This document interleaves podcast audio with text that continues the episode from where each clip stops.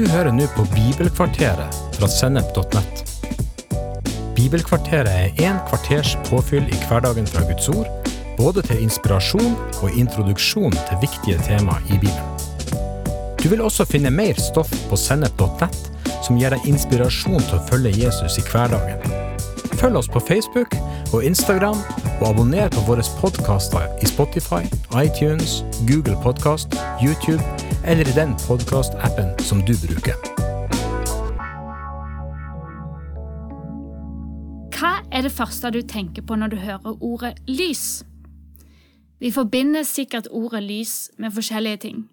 Og da jeg spurte folk i menigheten min om hva de tenkte på når de hørte ordet, så kom svar som varme, renhet, at man ser klart, belyse, skinne, bli opplyst, stråle, herlighet og Jesus.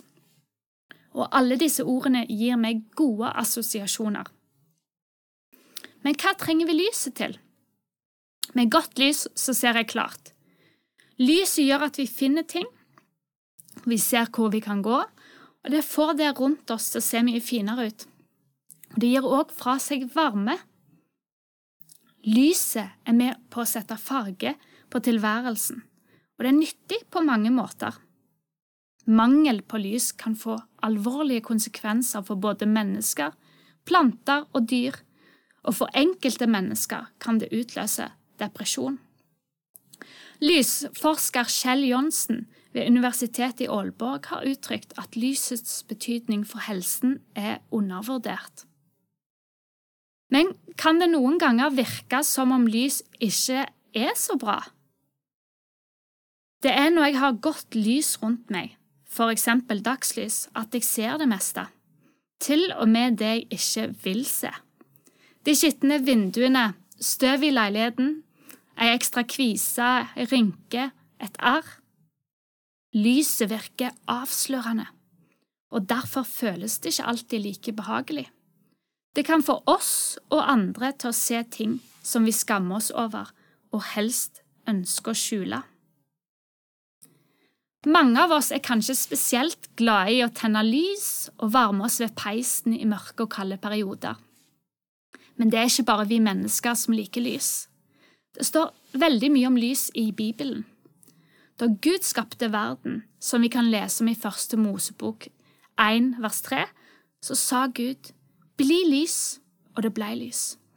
Gud så at lyset var godt, og så skilte Gud lyset fra mørket. Før syndefallet var verden underlagt lyset, og menneskene var uten kunnskap om godt og ondt. Men da Adam og Eva valgte å være ulydige mot Gud, så ble det et skille mellom Gud og mennesker, og mørket kom inn i verden, et åndelig mørke. Nå ligger verden i det onde, og vi trenger bare å slå på nyhetene for å få det bekreftet. Bibelen forteller oss i Matteus 15, vers 18–19, og i Galaterbrevet 5, vers 19–21, at ondskap, drap, hat, løgn, sinne, selvrettferdighet, avgudsdyrkelse, hor, umoral, utskeielser, fiendskap, strid, selvhevdelse, fyll grådighet og mer av samme slag regjerer i menneskenaturen som ligger i mørket. Gud ønska ikke at vi skulle forbli i mørket, og han visste at vi trengte hjelp. Derfor sendte han Jesus som verdens lys, for å gi oss framtid og håp. Jesus sa om seg sjøl, Jeg er kommet som, et, kommet som et lys til verden, for at hver den som tror på meg, ikke skal bli mørke. Og Jesus ga ikke bare lys og liv til mennesker han møtte, men han åpna òg en vei for oss alle like inn til far. Da Jesus hang lidende, forslått og blodig på korset på Golgata, ropte han, Det er fullbrakt!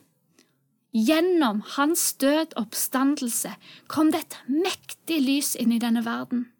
Endelig så var det en vei ut av den mørke tunnelen. Denne nåden og sannheten brøt både lenkene som holdt folk fanga i synd, og rigide regler om hvem som var verdige for Gud. Gjennom sitt forsoningsverk gjorde Jesus det mulig for alle å bli fri fra mørkets makt og bli en del av lysets rike. Og dette gir god grunn til begeistring. I Kolosserne 1, vers 12-14 står det Med glede skal dere takke Far, Han som satte dere i stand til å få del i de helliges arv i lyset. For Han har fridd oss ut av mørkets makt og ført oss over i sin elskede Sønns rike. I ham er vi kjøpt fri og har fått tilgivelse for syndene. Så når vi vender oss bort fra vår synd og til Jesus og tar imot gaven om tilgivelse og forsoning med vår himmelske Far, så gir Han oss retten til å bli kalt Guds barn. I Matteus 5 vers 14 sier Jesus om oss som tror at vi er verdens lys. Som et Guds barn bringer du lys inn i denne verden. I 2. Korinterbrev 4 vers 6 står det at Gud, som sa at det skulle bli lys i mørket, har latt lyset skinne i ditt hjerte. Og når du lar dette lyset skinne gjennom deg, gir det mennesker kunnskap om Guds herlighet i Jesus Kristus. Vi er ikke kalt til å holde lyset vårt sjøl og skjule det, men la det skinne klart for andre, så de kan se de gode gjerningene vi gjør, og prise Gud. Gud ønsker at menneskene rundt oss skal få erfare og bli kjent med Jesus, blant annet gjennom livene vi lever, både våre ord og gjerninger. I verden så er det mye lidelse og mørke, og i møte med dette kan Gud stråle ut sin guddommelige kjærlighet, sannhet og fred i og gjennom våre liv.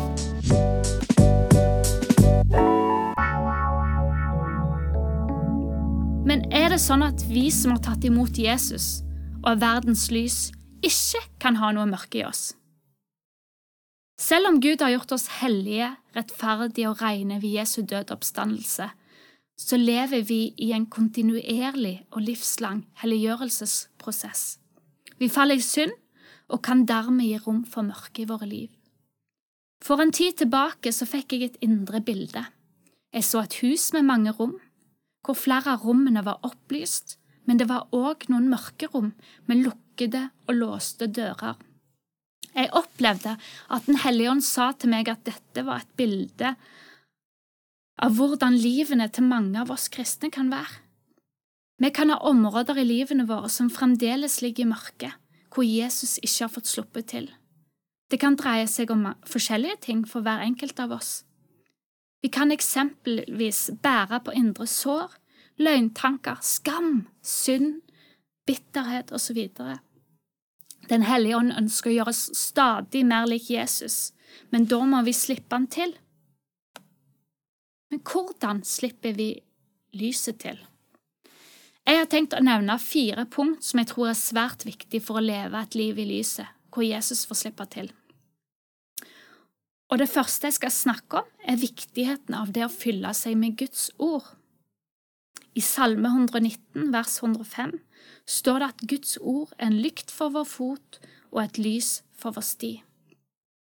På samme måte som jeg innledningsvis nevnte at lys viser skitt og andre ting vi ønsker å skjule, kan vi få øye på indre ting ved Guds lys, ting som vi trodde vi hadde gjemt godt.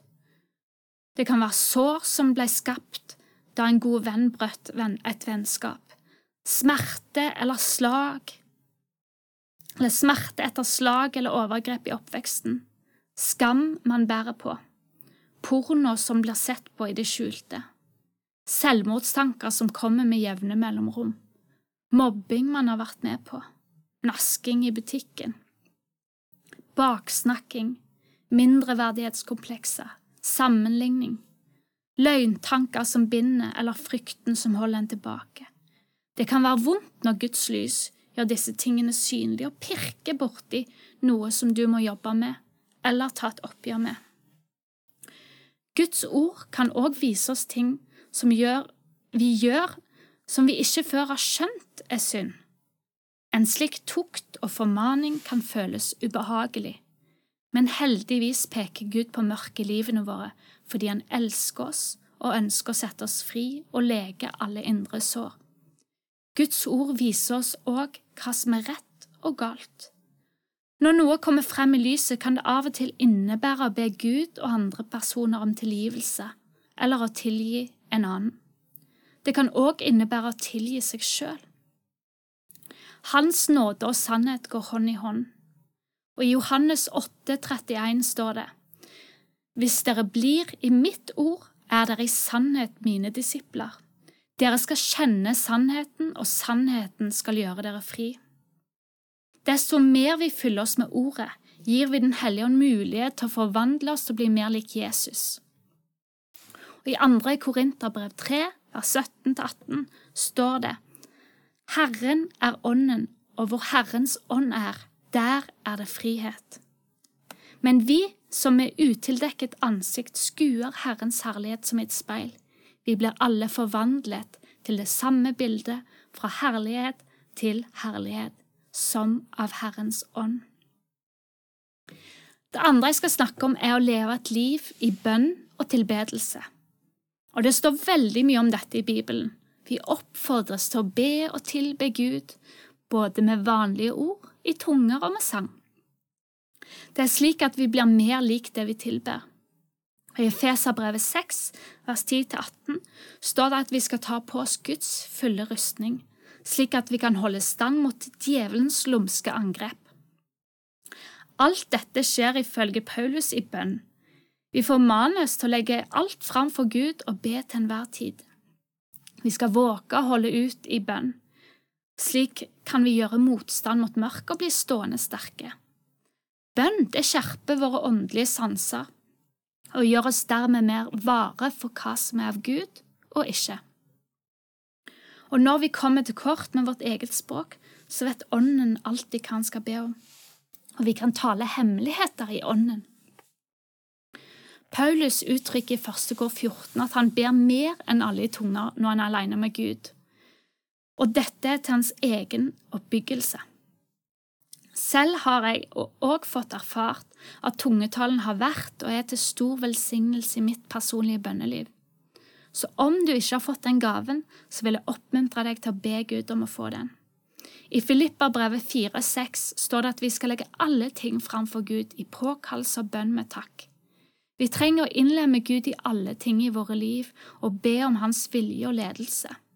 Og når vi åpner oss helt for Han, så slipper vi lyset til.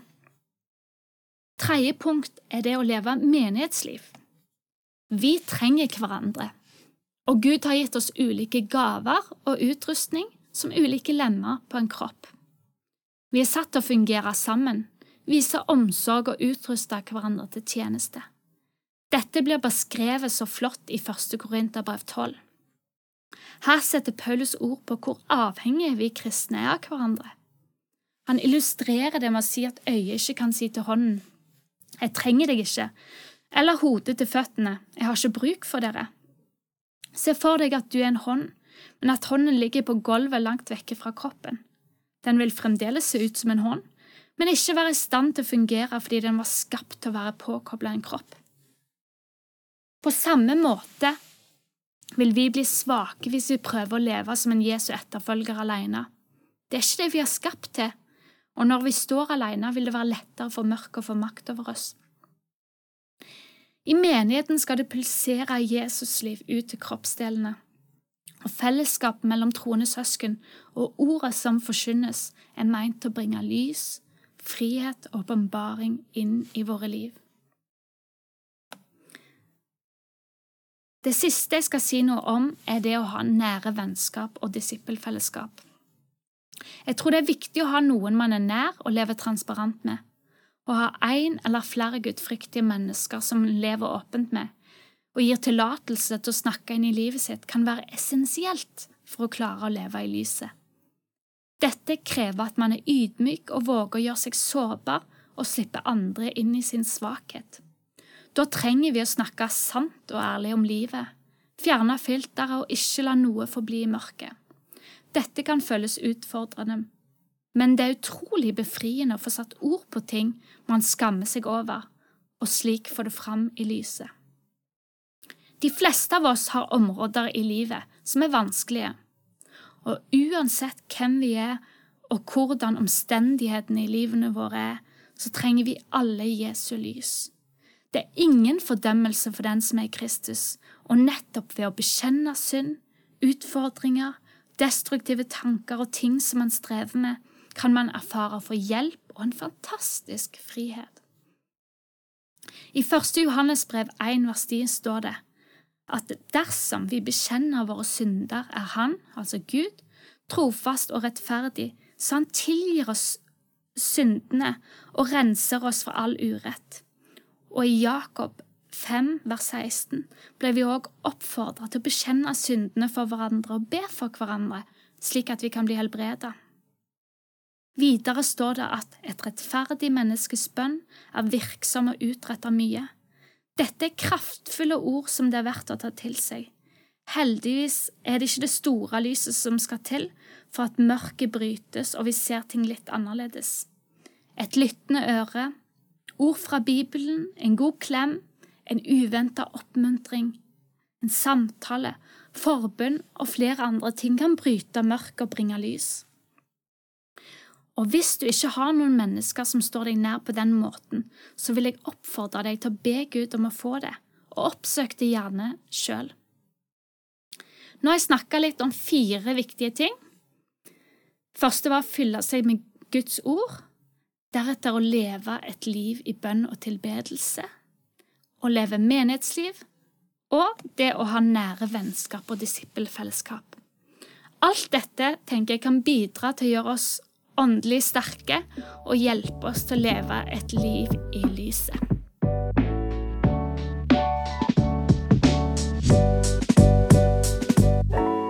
Du har hørt en episode fra Bibelkvarteret på sennep.nett. Du vil også finne mer stoff på sennep.nett som gir deg inspirasjon til å følge Jesus i hverdagen. Innholdet på Sennep er gratis og tilgjengelig for alle, takket være økonomisk støtte fra kristent nettverk menigheter og enkeltpersoner. Du kan også hjelpe oss ved å be for oss at vi skal forkynne ordet med frimodighet. Ved å dele innholdet vårt med venner og bekjente. Ved å rate podkastene våre på iTunes eller i podkastappen som du bruker. Eller ved å gi en engangsgave på VIPS. VIPS nummer 54 66 68. Takk for at du lytter til sennep.nett.